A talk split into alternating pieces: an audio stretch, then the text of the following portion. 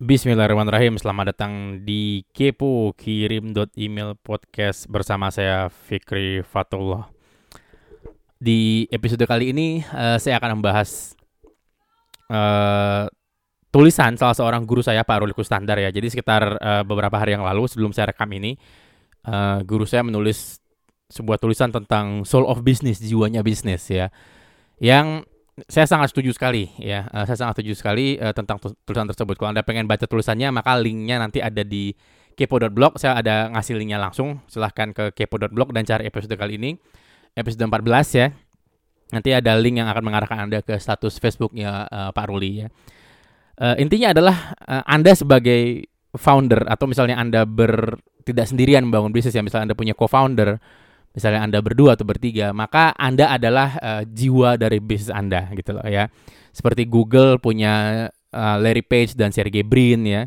Seperti uh, Apple ada Steve Jobs dan Steve Wozniak ya. Jadi uh, founder-foundernya ini adalah jiwanya bisnisnya karena bisnis itu bukan melulu soal uh, duit, sistem, accounting, SDM, marketing bukan, tapi ada visi dalamnya, ada jiwa di dalamnya yang mengarahkan uh, bisnis itu, itu mau ke mana dan membentuk keunikan tersendiri uh, terhadap bisnis tersebut gitu ya.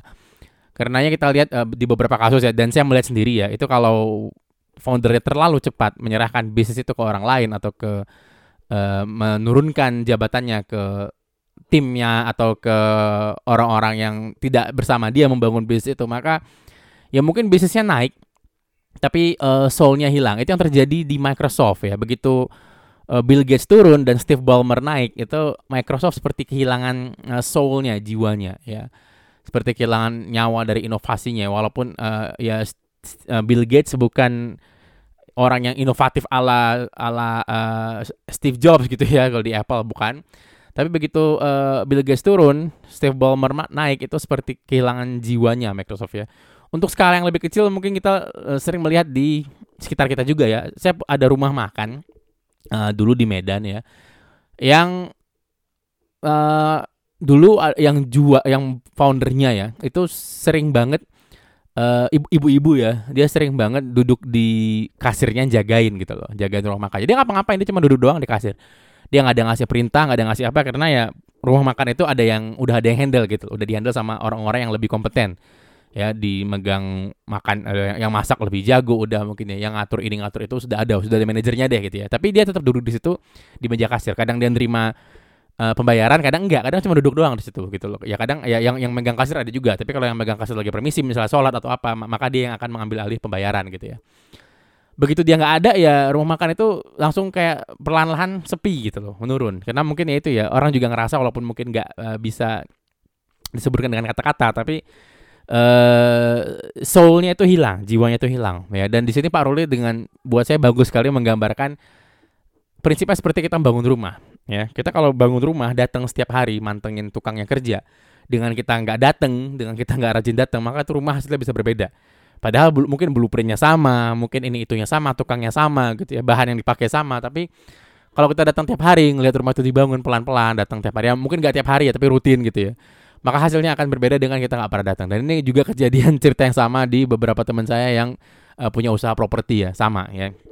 Jadi itu pentingnya uh, jiwanya bisnis dan itu pentingnya Anda maksud saya sebagai jiwa bisnis ya.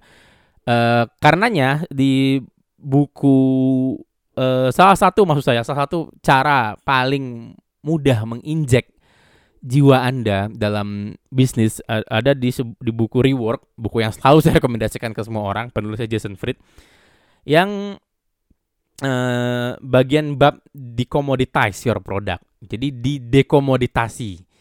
Ya, jadi kalau produk Anda produk komoditas yang umum, yang generik, yang yang mudah ditemukan di mana-mana lah gitu ya. Maka Anda harus mendekomoditize produknya, ya. Nah, menurut kamus uh, istilah bisnis, jargon bisnis, decommoditization means presenting fresh product. Ya, jadi um, decommoditize itu artinya mempresentasikan produk yang baru, yang segar, yang fresh ya. Tidak hanya sebagai komoditas tapi uh, ya uh, komoditas itu kan produk yang tidak memiliki perbedaan yang terukur gitu loh ya di antara satu dengan yang lain. Tapi men mendekomoditas artinya membuat produk kita itu unik ya dan uh, memiliki kelebihan atau menonjol di tengah yang lain. Jadi membuat dia menjadi unik. Dan salah satu cara mendekomoditas produk kita adalah ya dengan si founder itu uh, memberikan unsur ke, ke uh, unik atau personality atau kepribadian dirinya ke dalam produk atau service atau layanannya ya. Itulah yang membuat uh, salah satu yang membuat ya lagi uh, iPhone menjadi iPhone karena Steve Jobs ada di dalamnya gitu loh ya. Beda dengan ya mungkin Samsung yang kita nggak kenal siapa CEO-nya atau LG yang kita juga nggak tahu siapa CEO-nya kecuali kita Google kan gitu ya. Kita tahu Steve Jobs adalah iPhone. Jadi unik uh, sisi uniknya Steve Jobs itu ada di dalam produknya. Ya, begitu Steve Jobs meninggal dan uh, Tim Cook naik, ya penjualan tetap naik. Kenapa? Karena pada dasarnya Tim Cook emang adalah seorang eksekutor yang handal ya. Uh, dia penjual yang handal, dia tahu cara produksi yang bagus, dia tahu efek efektivitas kerja. Tapi dia tidak punya jiwa seperti uh, Steve Jobs. Mungkin dia lebih ja lebih jago secara teknis jualannya daripada Steve Jobs, tapi dia tidak punya jiwa sentuhannya itu nggak ada gitu loh ya. Nah inilah uh, saya makanya saya punya prinsip saya akan berada di bisnis saya selama yang saya bisa. Ya selagi saya di, masih diberikan Allah kesehatan dan saya masih sanggup menjalankannya dan bisnisnya masih ada gitu ya. Insya Allah saya akan terus ada di situ. Saya tidak akan uh, lompat-lompat. Insya Allah dan saya, saya menyarankan anda, anda juga seperti itu. Kalau memang bisnis anda sudah, sudah tidak menarik lagi untuk anda, kalau bisnis anda sudah tidak bikin anda semangat lagi di pagi hari ya, Uh, maka saya punya prinsip kalau saya, saya seperti itu saya akan mensuntik mati bisnisnya. Yang ngapain lagi gitu loh ya. Uh, atau kalaupun memang profit banget ya udah dilepas ya saya nggak mau uh, terlibat sama sekali saya akan bikin sesuatu yang saya suka gitu loh ya. Saya ada uh, bisnis kuliner di Medan yang mengalami kejadian yang sama. Bisnisnya masih ada ya. Cuma saya, saya tidak merasakan lagi uh, dorongan saat dulu saya membangun bisnis tersebut. Jadi akhirnya ya ya udah saya biarin jalan ya mau uh, untungnya untung mau nggak ngasih duit yang ngasih duit ya saya, saya lepas aja gitu ya Uh, contoh lain dari uh, di komoditas dalam bukunya Rework itu di Zappos, toko sepatu uh, online terbesar di dunia mungkin ya yang diakuisisi sama Amazon ya. Jadi Zappos itu yang membuat dia unik apa? Uh, pendirinya Tony Hsieh. Tony Hsieh itu uh, mem mem memberdayakan uh, policy atau kebijakan yang aneh banget di sisi customer service di perusahaannya gitu ya. Jadi customer service-nya nggak ada script, nggak ada SOP, boleh ngomong selama yang selama yang dia mau, boleh ngelayanin apa pun. Bahkan ada orang mesen pizza iseng-iseng ke Zappos yang yang yang jualan sepatu gitu ya. Itu masih dibeliin juga sama si CS Zapposnya. Jadi uh, sampai segitunya. Itu yang membuat Zappos unik. Itulah karakteristik yang diinjek atau disuntik si founder ke dalam bisnis tersebut. Itu yang menjadi jiwanya Zappos ya. Jadi kita semua adalah unik ya kita semua adalah unik uh, anda memiliki sesuatu yang tidak dimiliki orang lain anda memiliki satu kelebihan yang cuman Anda yang punya gitu loh. Ya, Anda punya sudut pandang dunia yang cuman Anda yang bisa melihat mungkin. Dan itu suntikanlah itu ke dalam bisnis Anda, ya. Uh, saya berusaha setiap hari menyuntikkan itu ke dalam kirim email uh, dan saya melihat beberapa bisnis yang besar juga itu berusaha mengeluarkan sisi karakteristik uniknya dari dirinya ke dalam bisnis tersebut gitu loh ya. Jadi uh, di komoditas produk apalagi kalau Anda jual produk yang agak umum gitu ya misalnya kayak make up atau kayak makanan, cemilan ya, uh, maka Anda harus mengeluarkan sisi unik Anda ke produk tersebut supaya dia menonjol berbeda keluar ya. Dan saat orang lihat Anda dan dia ngeliat produk Anda, orang merasa wah ini produknya dia banget nih gitu ya. Saya merasakan itu di beberapa bisnis sahabat saya, contohnya di Zanana ya, itu uh, kalau Anda kenal Gazan foundernya, maka saat Anda melihat Zanana dan Anda melihat Gazan, Anda akan wah ini produknya Gazan banget gitu loh ya uh, berhasil ya menginjek menurut saya uh, karakteristik dirinya ke dalam produk tersebut ya. Jadi value-value apa yang Anda perjuangkan ya, cara cara unik Anda memandang dunia ini ya atau kelebihan-kelebihan unik yang Anda miliki yang cuma Anda miliki itu tumpahkan ke dalam bisnis Anda. Jadikan dia unik, jadikan jiwa Anda muncul dalam bisnis tersebut dan konsisten lah, jangan tergiur uh, dengan terlalu banyak peluang dan terlalu banyak bisnis ya. Karena ya uh, Rasulullah Shallallahu Alaihi Wasallam sendiri bilang jangan terlalu banyak apa jangan berlebih-lebihan lah ya gitu loh ya. Jadi kalau anda punya duit saat anda punya duit bisnis anda mulai sukses gitu kan ya anda boleh boleh punya banyak duit maka godaan-godaan akan mulai datang godaan-godaan untuk membuka bisnis baru ada datang teman anda bawa peluang eh ini uh, aku punya ruko nih lokasinya bagus kita buka apa ya? Nah itu akan akan jadi cobaan tuh gitu loh ya. Yang tadinya kalau anda mungkin gak punya duit ada orang ngomong gitu ya udah biasa aja. Oh ya udah gitu loh. Nah ini giliran anda megang duit gitu kan ya ada duit cash uh, mungkin 100-200 juta dari rekening anda gitu maka uh, omongan-omongan yang kecil-kecil seperti itu akan tiba-tiba wah jadi menarik gitu loh ya kan? Uh, yang gak usah sampai segitu deh angkanya ya. Uh, saya saya juga waktu ada ada duit terduduk ya ada duit terdiem di rekening saya mungkin nggak sampai segitu uh, saya juga saat ada orang datang saya juga tertarik kok gitu loh. Eh ini maksudnya gimana nih? Ini apa yang bisa kita kerjain ya? Nah, tertarik kok. Saya saya saya saya, saya, saya, saya juga tergoda kok ya.